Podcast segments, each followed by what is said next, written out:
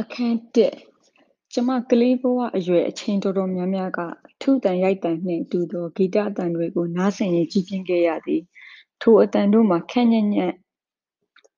ဂီတသံသို့မဟုတ်အပျော်တမ်းဂီတသံများဖြစ်သည်။ထိုအသံတို့သည်ကျမအိပ်ခန်းကြမ်းပြင်ကိုထိုးဖောက်ကာဝင်လာကြခြင်းဖြစ်ပြီးကျမဖွားလေးရော်ဘီ၏စနေယားကိုဖြည်းညည်းစွာခေါက်ကြရင်းပေါ်ထွက်လာသောအသံများပင်ဖြစ်ပါသည် ကျောင်းသားများက စနေယာကို ပလင့် ပလင့် ပလင့်နှင့် တီးခတ်နေကြသည် ကျွန်တော်တို့ ကျမတို့ မိသားစုမှာ ချီကာဂိုမြို့အနီး တောင်ပိုင်း ကမ်းခြေဒေသတွင်တရက်စွာ ဆောက်လုပ်ထားသောဖွာလေး ရော်ဘီနှင့် သူ့ခင်ပွန်းထယ်ရီတို့ ပိုင်ဆိုင်သည့်ဘန်ဂလို၏ဒုတိယထပ်တွင် ငှားရမ်းကာ နေထိုင်ကြသည် ပထမထပ်တွင်ဖွာလေး ရော်ဘီနှင့် ခင်ပွန်းသည်ထယ်ရီတို့ နေထိုင်ကြသည်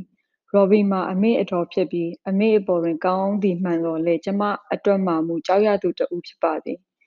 အိမ်နေသိက္ခာကြီးသူဖြစ်ပြီးတဖျားရှိခိုးကျောင်းတွင်ဓမ္မသချင်းသင်ကြားပို့ချကာကျမတို့ရက်ွက်၏တဦးတည်းသောစနေရဆရာမလည်းဖြစ်သည်ရော်ဘီကတောက်ဖက်နှက်စီးပြီးလေပင်၌အဝေးကြီးမျက်မှန်အနီးကြီးမျက်မှန်တို့လည်းအမြဲချိတ်ဆွဲထားပါသည်သူ့အပြုံးကကောက်ကျစ်သည်ဟုကျမထင်တော်လဲကျမမိခင်ကဲ့သို့အတင်းပြင်းပြောသည်ကိုနှစ်သက်ပေတခါတရံတွင်စနေရသင်ခန်းစာများကောင်းစွာမလေးချင်းခဲ့သည့်ကျောင်းကျောင်းသားများ အားမီးထွန်းတောက်တီးသကဲ့သို့ကျောင်းပိုနောက်ကျတတ်သောမိဘများကိုလည်းဆူလေးရှိသည်ကိုကြားတတ်ရပါသည်ဒေါသထွက်သည့်အခါ၌ရော်ဘီက good night ဟုနေခင်းမှတော့နေခင်းမှပင်ဆိုတတ်ပါသည်ထိုအတန်ကြားလျင်ရော်ဘီဒေါသထွက်နေပြီဆိုသည်ကိုသိသာပါသည်ကျောင်းသားများကနေ့စဉ်နှင့်အမျှစနေရတီးတက်စေရန်ကြိုးစားနေကြခြင်းသည်ပင်လျှင်ကျမတို့ဘဝ၏ဂီတတန်စင်များဖြစ်လာခဲ့တော့သည် နေခင်းတွင်ကြားနိုင်သကဲ့သို့ညနေများတွင်လည်းကြားရသည်သာဖြစ်သည်တခါတရံဖျားရှိခိုးကျောင်းမှအမျိုးသမီးများရောက်လာကြကဓမ္မတေစူပေါင်းလေ့ကျင့်ကြသည်များလည်းရှိပါသည်သူတို့အတန်များသည်လည်းကျမတို့အိမ်နေရန်များကိုဖျက်တမ်းကဝင်လာကြသည်ဖြစ်သည်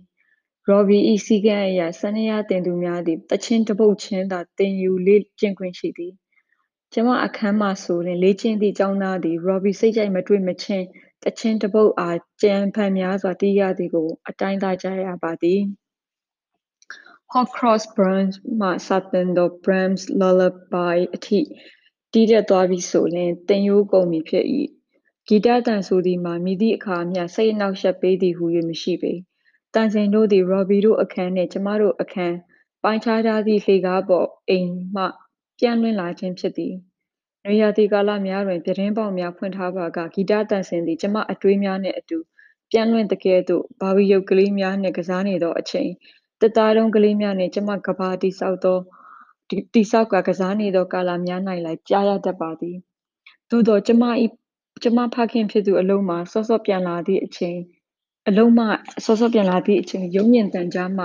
အားကစားပွဲများ ပြသနေသည်ကို ကြည့်နေသောအခါများတွင်မူ အဖေက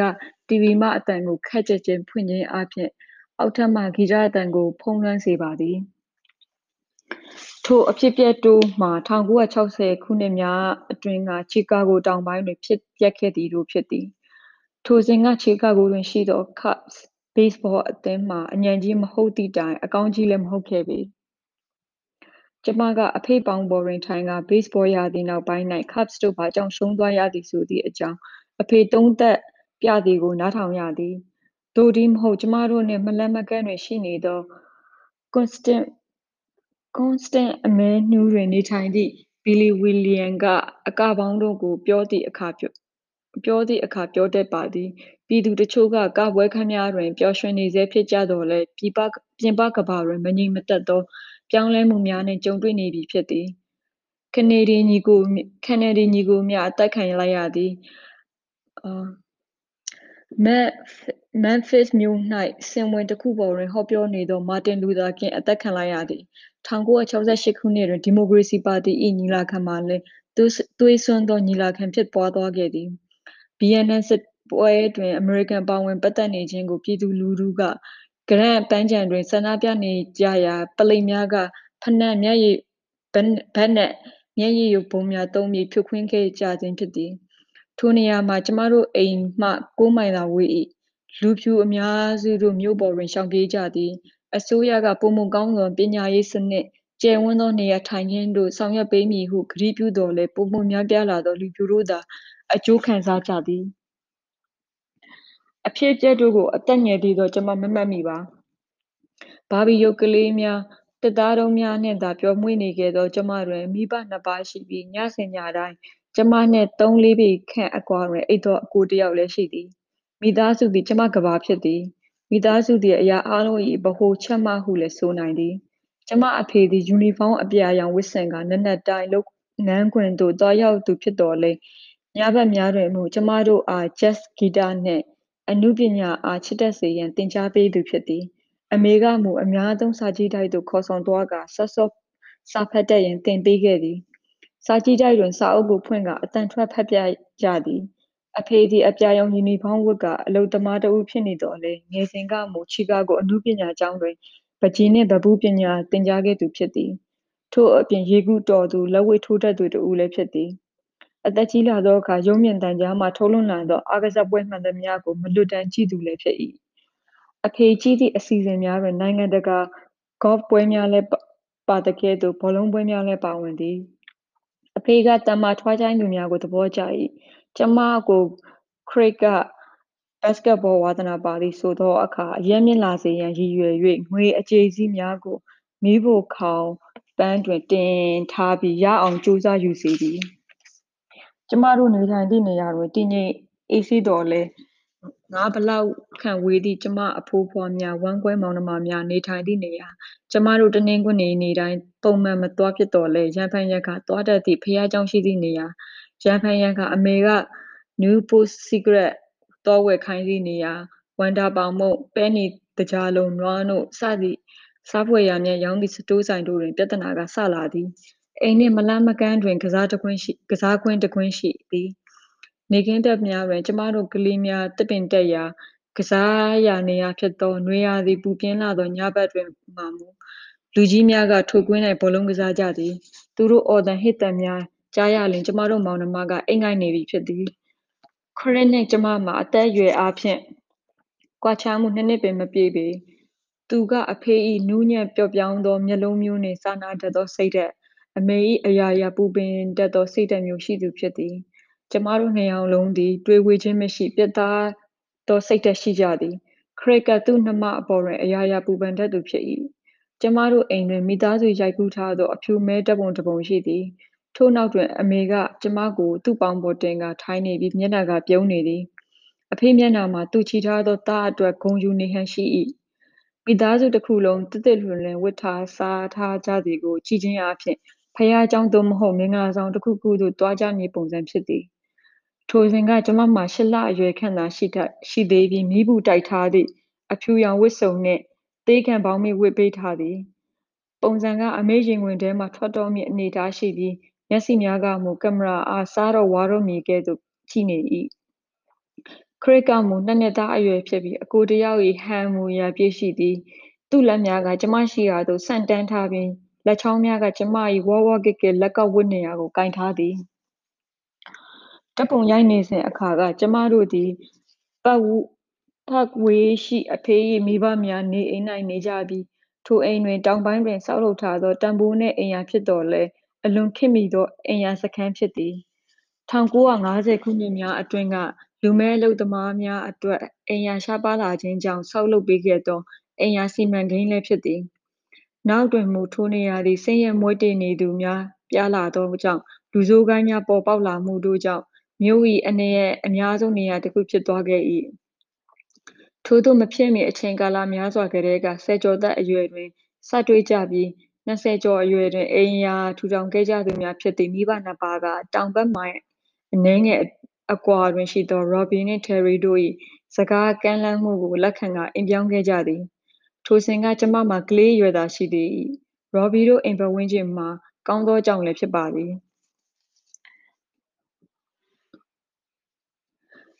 လူးဆက်လူးဆက်အဗယ်နူးလန်းအဗယ်နူးလန်းလူးဆက်အဗယ်နူးလန်းမကြီးပေါ်တွင်အိမ်သိမ့်မကြီးတော်လဲတမိုးတဲ့အောက်၌မိသားစုနှစ်စုနေထိုင်ကြသူများဖြစ်သည်အိမ်၏ဒီဇိုင်းကိုလေ့လာကြည့်ပါကဒုတိယတက်သည်တစ်ဖက်ဖက်မှတော်ဆက်သူများကိုနေထိုင်ရန်ရည်ရွယ်ပုံရသည်အိပ်ခန်းမှာနှခမ်းသာပါသည်သို့သောကျမတို့လေးဦးအတွက်အိမ်မှာနေတော်ပင်ဖြစ်သည်အမေနှင့်အဖေတို့ကမူလကတည်းကရည်ရွယ် ဆောက်လုပ်ထားဟန်တူသောအိမ်ခန်းတွင်အိပ်ကြပြီးကျမတို့မောင်နှမကမူမူလကဧကန်းအဖြစ်ရည်ရွယ်ထားဟန်ရှိသောအခန်းကျင်၌နေရာယူကြသည်အရွယ်ရောက်လာကြသောအခါတွင် အမေ၏အဖေကျမအဖိုပါနယ်ပါနယ်ရှေကကျွမ်းကျွမ်းကျင်ကျင်မဟုတ်သော်လည်းလက်သမားအလုပ်ပါဝင်ဝါသနာပါသူဖြစ်၍အပေါစားသစ်များဝယ်ယူကာအခန်းနှခန်းဖွဲ့ပေးသည်အခန်းနှခန်းကြားတွင်တစ်ဖက်နှင့်တစ်ဖက်ကူးနိုင်စေရန်အတွက်တွန့်ခေါက်၍ရနိုင်သော တကားတစ်ချက်ထည့်ပေးထားသည်အခန်းနှခန်းရှိတွင်ကျမတို့၏ကစားစရာများစာအုပ်များထားနိုင်ရန်နေရာတစ်ခုလည်းစီစဉ်ပေးထားသည်အခန်းကလေးကိုကျမကြိုက်သည်နှစ်ယောက်အိတ်ကရင်တစ်လုံးထားနိုင်ပြီးစပွဲတေးသေးလေးတစ်လုံးထား၍ရသည်ကျမကအယုတ်အားလုံးကိုကရင်ပေါ်တင်ထားသည်ညအိပ်ရဝင်တိုင်းအယုတ်များသည်ကျမခေါင်းအနီးတွင်ရှိစေခြင်းဖြင့်ပုံမသက်သာမှုရစေပါသည်အခန်းနှစ်ခုခြားထားသောနေရာတွင်ခရစ်ကမှန်ချမှန်ချက်ထား၏ သူ့ကရင်မှာ ကျမထားတကယ်သို့ဖြစ်ရာ မောင်နှမနှစ်ယောက် မြင်းပြိုင်တပွဲရှိနေသည် အခန်းနှစ်ခုခြားထားသောတစ်သားမှာ ပါလွာသည်ဖြစ်ရာတယောက်နှင့်တယောက် မမြင်တော်လဲစကားပြောနိုင်သည်ဖြစ်၍ညများတွင် ကျမတို့ မောင်နှမ စကားပြောတတ်ကြသည်အခါတရံတွင် ခြေများကိုဘလုံးတစ်ဖွဲ့လုံး၍ဆယ်လက်မခန့်သောဝေးသောနေရာမှ ဟိုဘက်အခန်းနှင့် ဒီဘက်အခန်း အပြန်လှန်ပစ်ကကစားကြသေးသည် အန်ဒီ ရော်ဘီက သူ့အိမ်ကို ရှေးဟောင်းပြတိုက်သဖွယ် တထားသူဖြစ်၍ပရိဘောဂများကို ပလတ်စတစ်များဖြင့် အုပ်ထားပါသည် ကျမထိုင်မိလင်ဖနက်မပါသောကြောင့် ခြေထောက်များကို အေးစေပါသည် စင်များပေါ်တွင် ကြွေဖြင့်ပြုလုပ်ထားသည့် ပစ္စည်းများ တင်ထားတော်လဲကျမတို့ကင်ခွင့်မရှိပေ တစ်ချိန်တွင် စင်ပေါ်တင်ထားသော ခွေးမိသားစုရုပ်ကလေးကိုတွေ့သည် ဖန်တယ်ဖြင့်ပြုလုပ်ထားသော ခွေးကလေးသုံးကောင်မှချစ်ဖွယ်ကောင်းပြီး ခွေးအမေကြီးရုပ်မှလည်းလက်ရမြောက်လာသည် မနေနိုင်သဖြင့် ကျမကင်ကြည့် လိုက်တော်လဲအန်ဒီရော်ဘီဆူမှာကြောက်ပါသည်စနေရတန်တန်မရှိသောနေများတွင် ပထမဓမ္မပကတိတိတ်ဆိတ်နေပြီးရုံးမြင်တန်ကြားဆက်မဖွင့်တကယ်သို့ရေဒီယိုလည်းမြည်သည့်ခါမျှမဖွင့်ပေသူတို့နှစ်ယောက်ပင်စကားမှပြောပါ၏ဆိုသည်မှာမသေးကြလှပေရောဘီခင်ပွန်း၏နာမည်အပြည့်စုံမှာဝီလျံဗစ်တာထယ်ရီဖြစ်တော်လဲကျမတို့ကမှနောက်ဆုံးအမည်ဖြစ်သောထယ်ရီဟုသာခေါ်ကြသည်ထယ်ရီသည်ထူးခြားသည့်ရုပ်သွင်ရှိပြီးနေ့စဉ် အစိပ်ပိုင်းသုံးခုပါသောစုတစုတအပြည့်စုံဝေးလေးရှိရှိသည့်အပြင်စကားအလွန်နည်းသူလည်းဖြစ်သည်အိမ်တအိမ်ထဲတွင်ဖြစ်တော်လဲအပေါ်ဓာတ်နှင့်အောက်ဓာတ်တို့မှာဇယိုက်သဘောလုံးဝမတူကြပေကျမတို့အပေါ်ဓာတ်သည်အမြဲတစေဆူညံနေတတ်ပြီးခွမလွတ်တတ်သူများဖြစ်ကြသည်ခရစ်နှင့်ကျမကအခန်းထဲတွင်လှည့်ပတ်ပြေးနေတတ်ကြသည်ဘောလုံးပစ်ပေါက်ကစားခြင်းပြုကြသည်ကျမတို့ကကျမ်းပြင်ကိုပေါလစ်တိုက်ပြီး ခြေအိတ်နှင့်ပြေးခြင်းအပြင်ဝေးဝေးလံလံသို့အလွယ်တကူရောက်ရှိစေရန်စီမံထားသည်တခါတရံတွင်အိမ်နရံနှင့်ဝင်ဆောင်မိသည့်အထိအရှိန်ပြင်း၏မိဖို့ခန်းထဲတွင် မောင်နှမနှစ်ယောက်လက်ဝဲထိုးခြင်းထိုးချင်ထိုးကြသည်အဖေကကျမတို့အတွက်ခရစ်စမတ်လက်ဆောင်အဖြစ်လက်အိတ်နှစ်စုံဝယ်ပေးခဲ့သည့်အပြင်လက်သီးထိုးနည်းကိုလည်းစနစ်တကျသင်ပေးခဲ့သည်ညပိုင်းတွင်မိသားစုလိုက်ကစားကြသည်လည်းရှိပြီးတခါတရံတွင်မူပုံပြောကြသည်တခါတလေတွင်ဂျက်ဆင် ညီကို၅ယောက်တို့၏ဂျက်ဆင်ဖိုက်တပ်ပြားကိုစတူဒီယိုအတန်ထွက်ဖြင့်နားထောင်ကြသည်ကျမတို့ကျမတို့ဆူညံတန်ကကျယ်လွန်းသွား၏အောက်ထပ်မှရော်ဘီနားမခံသာသည့်အခါများ၌လှေကားအိမ်မှမိခလုတ်ကိုဖွင့်ချီပိတ်ချီလုပ်ပြခြင်းအပြင်သတိပေးတတ်သည်ကျမတို့မဆူကြရန်အချက်ပေးခြင်းပင်ရော်ဘီနှင့်ဒယ်ရီတို့မှာကျမတို့မိသားစုများမိဘများထက်အသက်ကြီးကြပြီးအခြားအရက်ဒေသ၌ကြီးပြင်းခဲ့ကြသူများဖြစ်ရာကျမတို့မိဘများ မကြုံခဲ့ဘူးသောကိစ္စမျိုးခရစ်နှင့်ကျမတို့ကလေးများအနေဖြင့်မမှန်းဆနိုင်သည့်ကိစ္စမျိုးတို့ကိုကြုံကြားခဲ့ကြခြင်းသည်ဖြစ်သည်ရော်ဘီကသတိပေးသဖြင့်ကျမတို့ညီတက်လိုက်ကြပြီးမကြေမနက်သုံးမုံနေသောအခါများတွင် အမေကကျမတို့အားရှင်းလင်းပြောပြတတ်ပါသည်အမေပြောပြသောအကြောင်းအရာများကိုကျမတို့မသိခဲ့ကြတော့လဲဤသို့ဖြစ်ခဲ့ကြဘူးသည်ကိုမှတ်သားထားကြသည်ကဘာမြေပေါ်ရှိလူသားအလုံးကဤကဲ့သို့သောသမိုင်းရှိခဲ့ဘူးသည်ကို ပြောပြနေတောင်ဖြစ်၍ကျမတို့လည်းမှတ်သားထားရပါသည်နောင်တွင်ကျမသိလိုက်ရသည်မှာ1943ခုနှစ်က Northwestern University တွင်သင်ကြားပို့ချသောဓမ္မတေးသည့်ကျူးမှုတဏ္ဍတက်ရောက်ရာ၌အမျိုးသမီးအဆောင်၌နေခွင့်ပြုရန်ညှင်းဆိုခဲ့သောကြောင့်ရော်ဘီကယင်းတက္ကသိုလ်အားတရားစွဲခဲ့ဘူးသူဟုဆို၏တက္ကသိုလ်ရှိအမျိုးသမီးဆောင်တွင်နေခွင့်မရှိဘဲ မြို့ရင်းရှိလူမဲများသာနေထိုင်သောအဆောင်များတွင်တွားရောက်နေထိုင်ရန်တက္ကသိုလ်အာဏာပိုင်များကပြောကြားခဲ့သည်ဟုဆိုသည်ထိုစဉ်က Terry မှာချီကာဂိုမြို့အတွင်း၌မြို့ပြင်ညပိုင်း၌ပြေးဆွဲနေသောမီးရထားတွင်အလုပ်လုပ်နေချိန်ဖြစ်သည်။သူ့အလုပ်မှာလစာများစွာမရသော်လည်းလူအများလေးစားသည့်အလုပ်ဖြစ်သည်ဟုဆိုသည်။လုပ်ရသည့်အလုပ်မှာခရီးသည်တို့၏ပစ္စည်းပစ္စယများသယ်ဆောင်ပေးခြင်း၊ခရီးသည်များလိုအပ်သည်တို့ကိုကူညီလုပ်ဆောင်ပေးခြင်းတို့ဖြစ်သည်။ လိုအပ်သည်ဆိုရာ၌ရှုးဖိနပ်အရောင်တင်ပေးခြင်းအပါအဝင်ဖြစ်သည်။ထိုအလုပ်များမှာထိုစဉ်ကလူမည်းများသာလုပ်သောအလုပ်များဖြစ်သည်။အငြိမ်းစားယူခဲ့သည်မှာနှစ်ပေါင်းများစွာကြာခဲ့ပြီဖြစ်သော်လည်း Terry သည်ဝန်ထမ်းဘဝမှ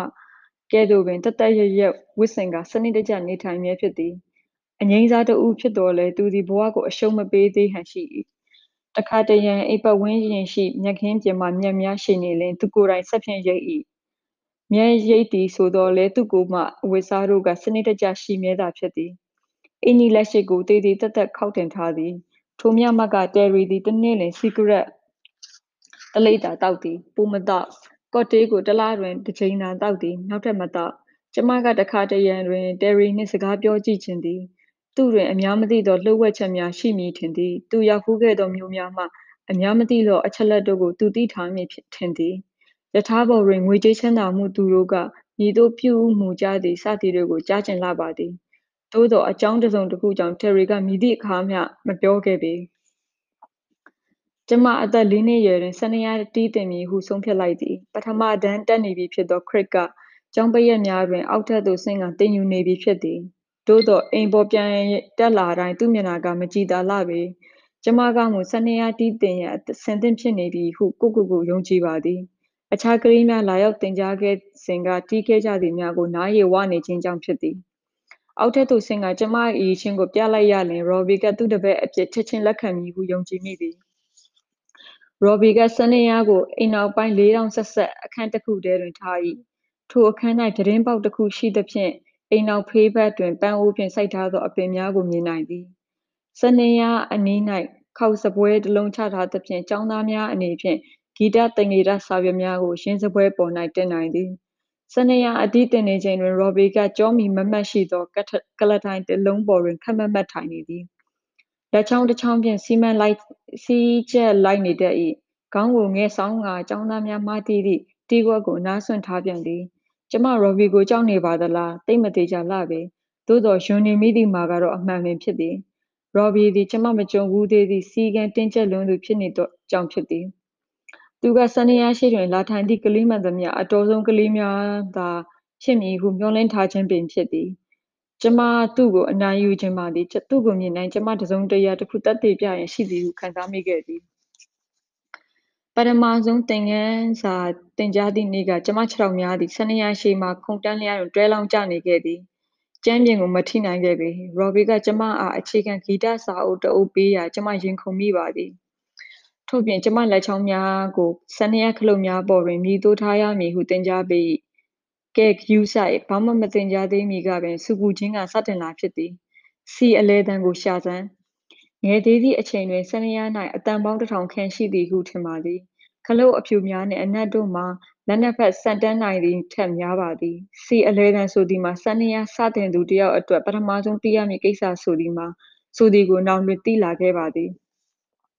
လက်နှစ်ဘက်ကြားတွင်သာရှိပြီးထိုအသံခလုတ်ကိုရှာတတ်ပြီဆိုပါကစနေရတီးတတ်ရန်လွယ်ကူသွားပြီဖြစ်သည်။စနေရတီးရသည်ကိုကျွန်မသဘောကျသွားသဖြင့်စနေရရှေ့မှခုံတွင်ထိုင်ရသည်ကိုလည်းကျွန်မသဘောကျလာ၏။ကျွန်မတို့မိသားစုတွင်ဂီတချစ်သူများဂီတပညာရှင်များများပြားပါသည်။အထူးသဖြင့်အမေ့ဘက်မှာပိုမိုများပြားပါသည်။ကျွန်မဦးလေးတစ်ယောက်မှာတီးဝိုင်းကြီးတစ်ခုတွင်ပညာရှင်ဖြစ်သည်။အဒေါ်တော်တော်များများမှာဘုရားရှိခိုးကျောင်းတွင်ဓမ္မသီချင်းသီဆိုကြသူများလည်းဖြစ်ကြသည်။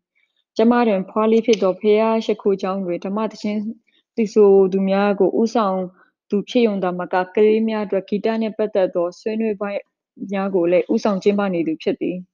။ထိုဆွေးနွေးပွဲများကျင်းပတိုင်းခရစ်နှင့် ကျွန်မတို့မောင်နှမက တက်ရောက်ကြပါသည်။ကျွန်မတို့မိသားစုတွင် ဂီတကို စတင်မျိုးစေ့ချခဲ့သူမှာ ကျွန်မအဖိုး လက်သမားဆရာကြီး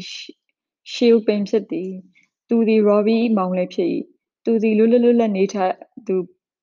ဗိုက်ရွှဲသူအရည်သန်သူမုတ်ဆိတ်မွေးများကအဖြူတစ်ဝက်အနက်တစ်ဝက်ဖြစ်နေသူလည်းဖြစ်၏။ကျွန်မတို့ငယ်စဉ်ကသူသည်အနောက်ပိုင်းတွင်နေထိုင်သူဖြစ်သောကြောင့်ကျွန်မနှင့်ခရစ်ကအနောက်ပိုင်းကလူဟုခေါ်တတ်ကြသည်။သို့သော်ကျွန်မစနေရစသည့်နှစ်မှာပင်သူကကျွန်မတို့တောင်ပိုင်းသို့ပြောင်းလာသဖြင့်ကျကျမတို့မောင်နှမကသူ့ကိုတောင်ပိုင်းသားဟုကင်မွန်းတက်လိုက်ကြပြန်သည်တောင်ပိုင်းဒေသသည်လွန်ခဲ့သည့်ဆယ်ခုနှစ်များစွာကပင်ကျမ၏ အဖွားအားခွဲခွက်သွားစေခဲ့သည်ထိုစဉ်ကအမေသည်ဆယ်ကျော်သက်အရွယ်သာရှိသေး၏ရှီးလ်သည်အမေ၏အမအကြီးဆုံးဖြစ်သောကရိုလိုင်းနှင့်သွားနေသည်သွားနေသည်အမေမောင်အငယ်ဆုံးဖြစ်သည့်စတီဗ်သည်ကျမတို့အိမ်နှင့်နှစ်ဘလောက်ခန့်တွင်နေထိုင်သည်သူကတစ်ထပ်အိမ်ဖြစ်သောသူ့အိမ်ကိုတစ်အိမ်လုံးဝါယာကြိုးများဖြင့်သွယ်တန်းထားသူဖြစ်သည်ဟုဆိုရပါမည်အခန်းတွင်အခန်း တိုင်းတွင် စပီကာများရှိသည် ကုံကုံပြောရလျှင် ရေချိုးခန်း၌ပင် တပ်ဆင်ထား၏သူကိုယ်တိုင် စပီကာသေတ္တာများကို ပြုလုပ်သည် စတူဒီယိုအသံထွက်ရှိပြီး ထိုပစ္စည်းမှာ အိမ်တွင်ပိုလျှံပစ္စည်းများ ရောင်းသည့်နေရာမှ ဝယ်ယူလာခဲ့ခြင်းဖြစ်သည် သူတွင် မတူညီသော ဓာတ်စက်နှလုံးရှိသည့်အပြင် တိတ်ခွေနှင့်ဖွင့်ရသောရကော်ဒါများလည်းရှိသည် နှစ်ပေါင်းများစွာ သူစုဆောင်းလာခဲ့သော ကဒ်ပြားတို့မှာလည်း စင်များပေါ်တွင် အပြည့်ရှိသည် တောင်ပိုင်းသားကကဘာပေါ်တွင် သူမယုံကြည်သောကိစ္စများစွာရှိသည် သူသည် ရှေးဟောင်းခေတ်တွင် ကျန်ရစ်ခဲ့သည်ဟု ဆိုရပါမည် သွားစရာဝယ်များကို သူမယုံ ထို့ကြောင့် သူ့တွင် သွားတစ်ချောင်းမျှမရှိပေ ရဲများကို မယုံသကဲ့သို့ လူဖြူများကိုလည်း အယုံကြည်မရှိပေ သူသည် ဂျော်ဂျီယာပြည်နယ်မှ ကျွန်တစ်ဦး၏အဆက်အနွယ်ဖြစ်ပြီး ငယ်ဘဝကို ဂျင်ခရိုးကာလ၌အလာဘားမားပြည်တွင် ကုန်လွန်စေခဲ့ပြီး1920ခုနှစ်များမှ ချီကာဂိုမြောက်ပိုင်းသို့ ပြောင်းရွှေ့လာသူဖြစ်သည် သူတွင်သားသမီးထွန်းကားလာသောအခါတောင်ပိုင်းဒေသသည်ကလေးများအားလုံခြုံလုံခြုံစိတ်ချစွာထား၍မရသောနေရာဖြစ်လာသည်မှားယွင်းသောပတ်ဝန်းကျင်သို့လူမည်းကလေးများရောက်ရှိသွားပါကဒုက္ခရောက်မည်ဟုစိတ်ကူးယဉ်ဇာတ်လမ်းများကခြောက်လှန့်ထားကြသည်ထို့ကြောင့်ရဲများအနီးသို့မချဉ်းကပ်ရန်လည်းသွန်သင်ထားကြသည်ဂီတသည်သူ၏ပူပင်သောပူပင်သောကမှန်သမျှကိုငြိမ်းငြိမ်းအေးစေသောအရာဖြစ်ပုံရသည်လက်လက်သမားအလုံးမှ လုပ်အားခထုတ်ပေးသည့်နေ့များတွင် သူက လိုချင်နေသော ဓာတ်ပြားအသစ်တစ်ခုဝယ်တစ်ချက် ဝယ်ယူတတ်သည် မိသားစုအတွက် ပုံမှန်ပါတီပွဲကျင်းပပေးသည် ထိုနေ့များတွင် သူက သီချင်းများကိုအကြီးအကျယ်ကြီးဖွင့်ထားသဖြင့် လူတိုင်း စကားပြောသည့်အခါ အော်ပြောကြရသည် ကျမတို့ဘဝတွင် အရေးပါအရာရောက်သော အမှတ်တရနေ့အများမှာ တောင်ပိုင်းသားအိမ်တွင် ကျင်းပခဲ့ကြသည်များ ဖြစ်သည် ထိုနေ့များ၌အာ Ella Franklin Eleanor Franklin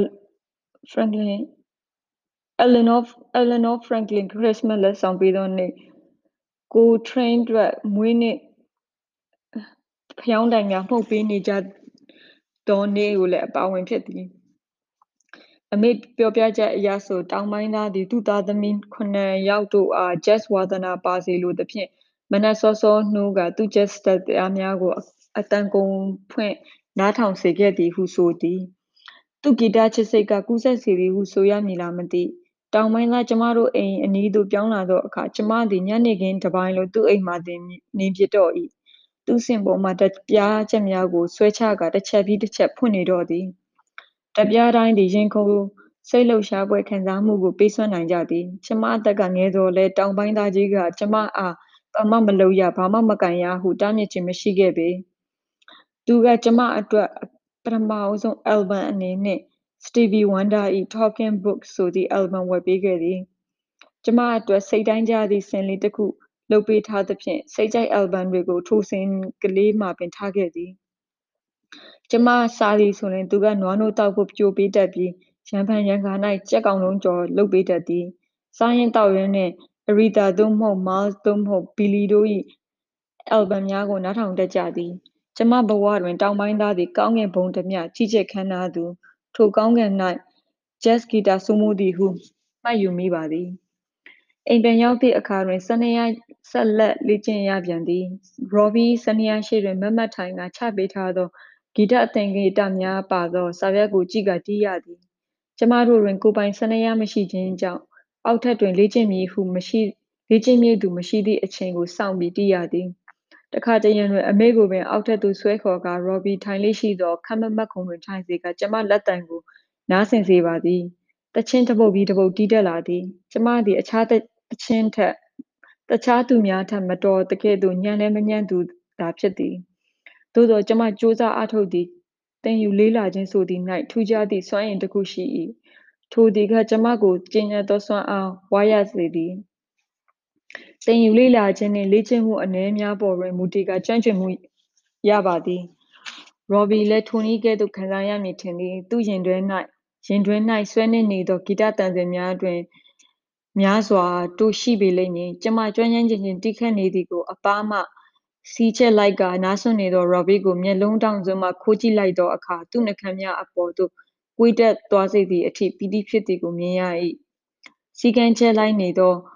စီးချက်လိုက်နေသောသူ့လက်ချောင်းကလေးကပင်ဝဲပြန်သကဲ့သို့ဖြစ်သွားတတ်ပါသည်